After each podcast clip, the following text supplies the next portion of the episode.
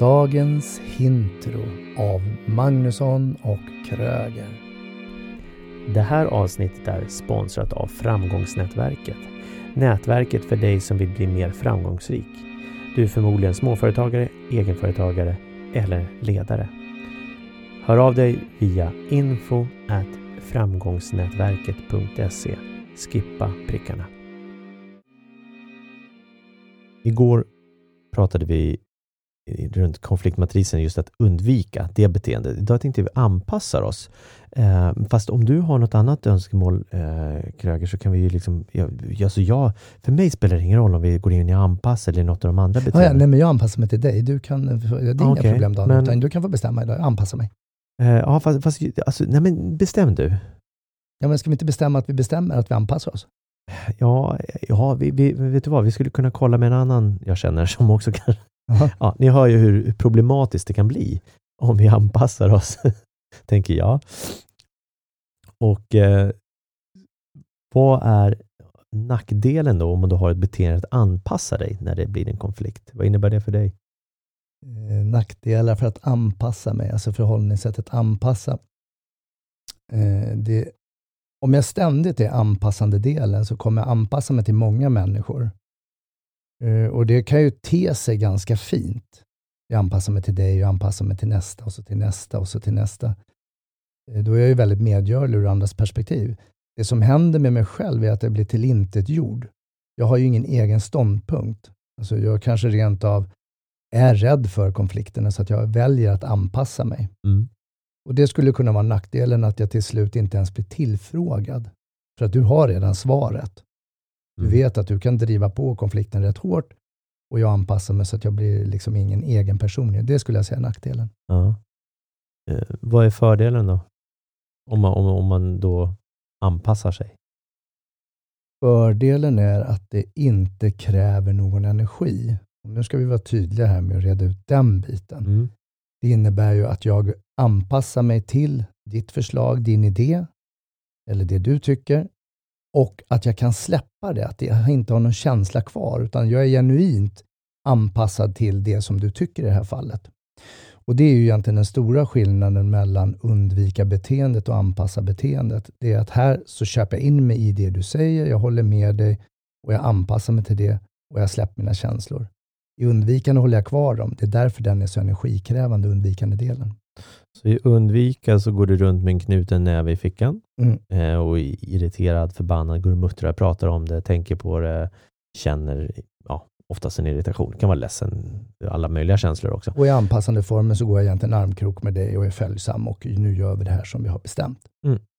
Och jag lägger ingen energi eh, i det i form av att jag går runt med någon känsla som är negativ. Eller liknande. och vi kan ju ha tyckt väldigt olika mm. Eh, hela vägen dit, men till slut så inser jag att jag har mer fakta, eller fått mer fakta av det som gör att, men wow, jag köper det du säger, du har faktiskt rätt. Ja. Och då anpassar jag mig i den. Ja. Och då är konflikten egentligen utagerad, tills den dyker upp nästa gång. Ja.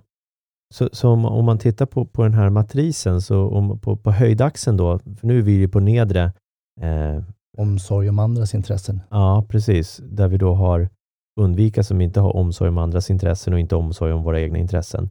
Nu har vi bara omsorg om andras intressen, inte om våra egna intressen. Ja, visst är det fiffigt. Ja. Eh, och det innebär ju inte att jag, att jag är likgiltig som människa, utan det här är väldigt noga att nu har jag omsorg. För att jag har fått mer fakta av dig, mer ja. förståelse, mer acceptans och nu anpassar jag mig, då är omsorg om dig. Mm. Hade jag inte tyckt som dig så kanske vi hade hamnat tillbaka i undvika eller gått vidare någon annanstans. Mm, just det. Så anpassningsformen är ju bra ur det perspektivet. Och tittar vi på ledarskap här så är det ju också viktigt att ledare, chefer har en ståndpunkt. För du kan inte gå runt och anpassa till alla i en organisation. Som vi började vårt samtal med här funkar absolut inte att vi skulle studsa runt och anpassa oss till alla så skulle vi göra någon undersökning här ute och till slut komma fram till ett beslut. Då skulle det tagit enormt lång tid. Ja, och då tänker jag fördomen som många säger, ja men i Sverige ska man alltid ha konsensus. Uh. Eller alltid, men, men många jo, säger... vi har en jantelag också. Ja. Ja, men, så vad vill du säga? Jag bara röst till där mitt i allt konsensus och jante. Ja. Men, kan vi inte ta ett fikamöte till och bestämma så att vi alla är överens om det här? Mm. Och det kan väl vara jättebra. Att, ha, att, att få in alla i ett visst beslut, men någonstans så måste, eller bör du ju, skulle jag säga, eh, behöver du ha en ledare som tar det slutgiltiga beslutet. Mm. Och du kommer inte kunna få med alla i båten alla gånger.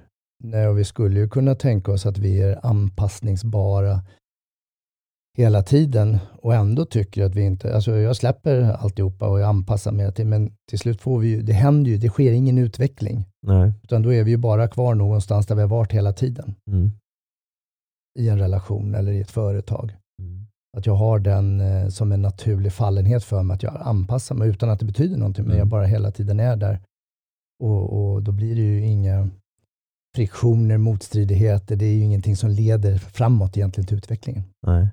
Och jag brukar säga om du har någon, någon chef till exempel som då anpassar sig hela tiden, eh, brukar sluta med att den personen är inlåst i, i städskrubben, kanske hängd i värsta fall, för att personalen ledsnar. Det är ingen som kommer höra av sig och fråga chefen heller, eh, och när det ska tas beslut, eller det kanske, kanske är en chef som egentligen varken säger ja eller nej till någonting.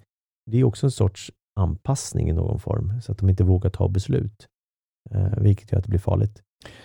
Inte vågar ta beslut mm. och eller har en strategisk beslutsfattning som sker på det sättet att inte ta beslut just nu. Utan kan ju också faktiskt vänta ut eh, organisationen och eller en grupp. Ja, så kan det ju vara. Så det finns ju för och nackdelar. Ja, ja men problemet, pro problemet blir ju när det sker hela tiden. Exakt. Att det är aldrig någon som tar beslut. Mm. Uh. Så är du en sån människa som nu har en förkärlek till att anpassa dig så kanske du ska testa och se vad händer om du undviker? Eller vad händer om du inte anpassar dig? Mm. Så just att bara testa av det och se vad händer i din egen känsla och vad händer i en grupp med människor om du förändrar dig. Mm. Och är du då i känslan, när du försökt anpassa dig, att du fortfarande är kvar, att du är irriterad, ja då har du inte anpassat dig. Nej, då har du undvikit. Ja. Och ibland så vet jag att du vill ta lite konflikter men testa och bara anpassa dig och se hur kändes det? Klarade du släppa känslan? Är du medveten om hur bra du är på det du gör? Oss hittar du på magnussonkroger.se